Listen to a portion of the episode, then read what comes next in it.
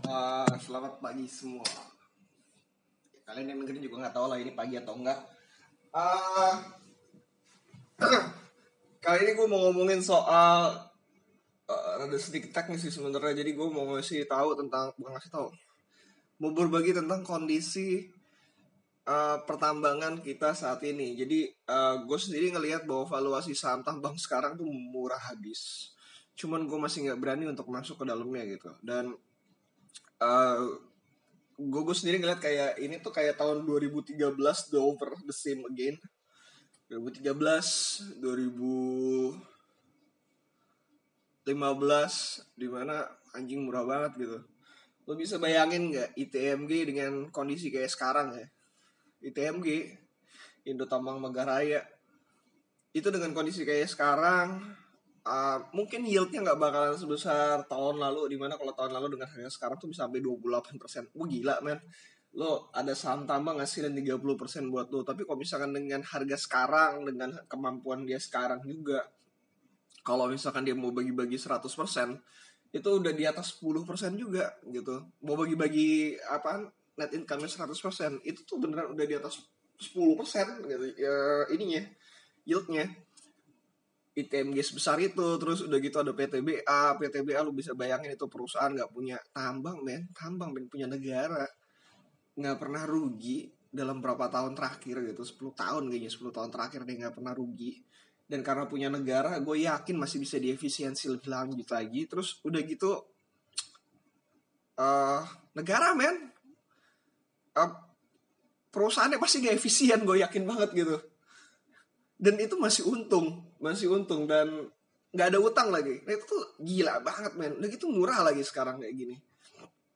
Lo mau nyebutin apa aja sih? Banyak banget perusahaan tambang yang sekarang kayak murah banget. Udah murah nggak banyak utang ngasih dividen tinggi sekali gitu. Problemnya adalah uh, dua kalau menurut gua. Satu dari sisi revenue dia turun revenue di sini adalah sebenarnya adalah produksi dikali dengan uh, apa? Sorry, produksi ditambah uh, dikali dengan harga komoditinya gitu.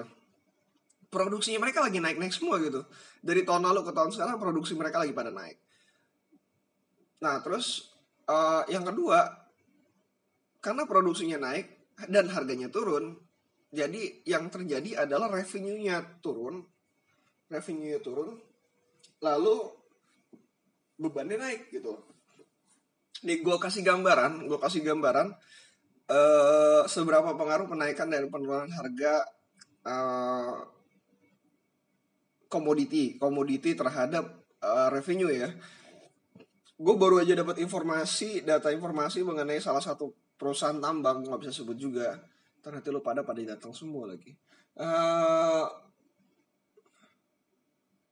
itu in term of tahun dari tahun 2013 ke 2015 sampai kemarin itu tuh ternyata produksinya turun men.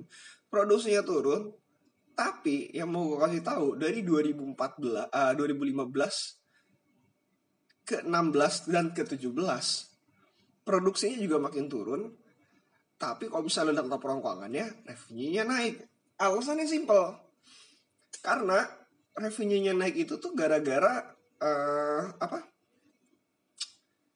Pengaruh harga komoditas doang, hanya karena pengaruh harga komoditas gitu. Nah, itu yang terjadi. Jadi harga komoditas tuh bener-bener berimpak besar banget terhadap revenue revenue dari sebuah perusahaan. Nah problemnya sekarang adalah semua perusahaan tambang mengira bahwa karena harga komoditas sekarang uh, kemarin-kemarin lagi pada naik, mereka menggenjot semua segala bentuk produksinya sehingga tahun ini itu kayaknya produksinya naik gila-gilaan lagi. Tapi harga coalnya ya gue sebut aja coal coal komoditinya itu tuh turun abis gitu. Nah dengan harga sekarang dengan komoditi kayak gini gue masih bingung untuk masuk. Karena apa? Balik lagi gue pernah ngomongin tentang masalahnya supply and demand gitu.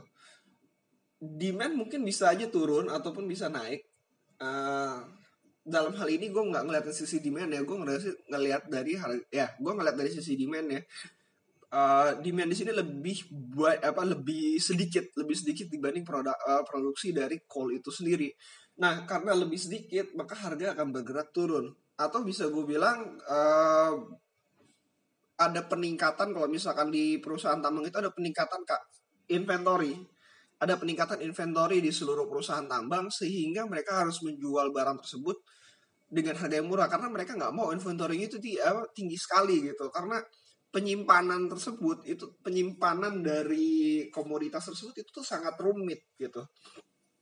Coal itu kalau misalnya kena hujan sedikit dia bakalan berkurang kadar kalorinya, terus udah gitu kalau misalkan nanti belum lagi kena angin laut dan lain sebagainya itu bakal mengulangi benar-benar kalorinya mereka.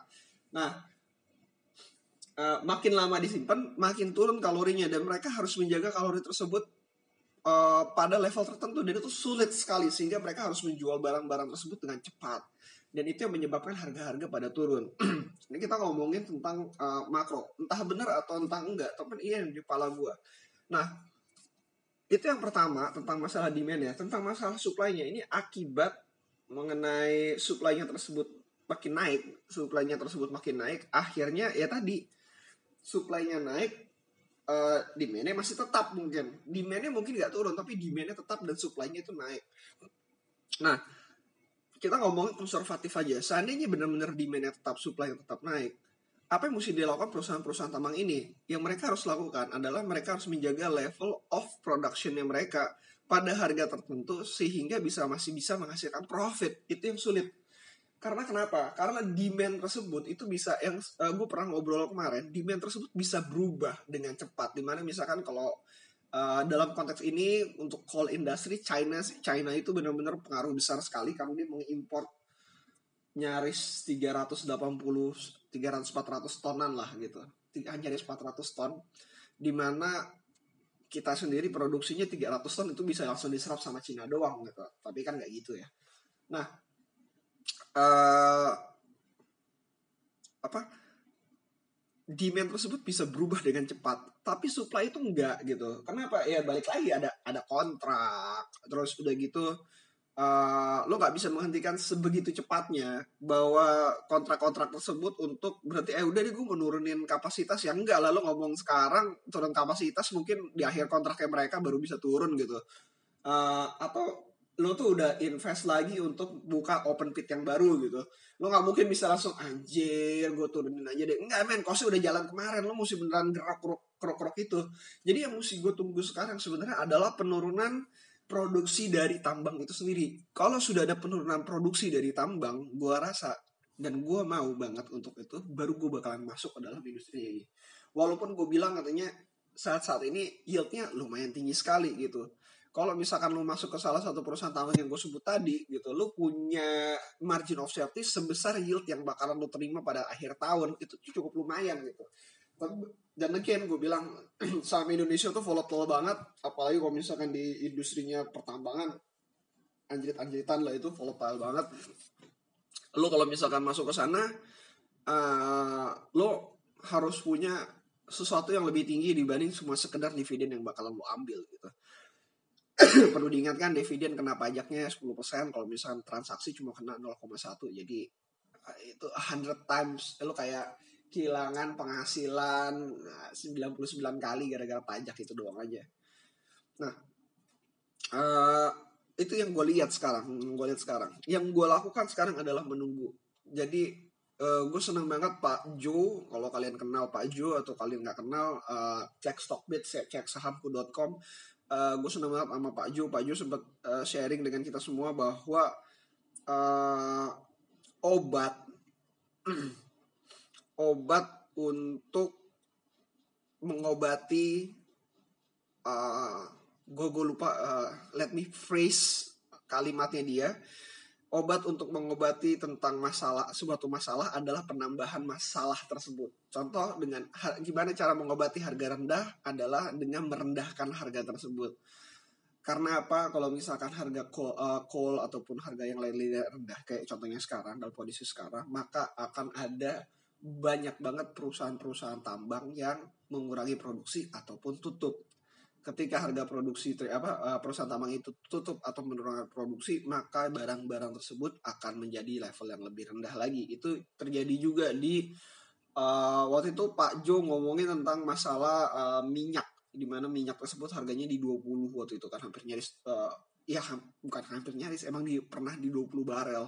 20 sampai eh, 20 sampai 30 barel. Ketika berat di 20 30 barel dia mengeluarkan uh, kalimat tersebut untuk mengobati harga rendah yang harus dilakukan adalah merendahkan harga tersebut. Ketika harga tersebut sudah rendah dan semua pemasok akhirnya sepakat untuk memotong uh, kapasitas produksinya, pemasok-pemasok besar pada akhirnya itu harga akan bergerak dengan naik. Jadi obatnya tersebut ya benar.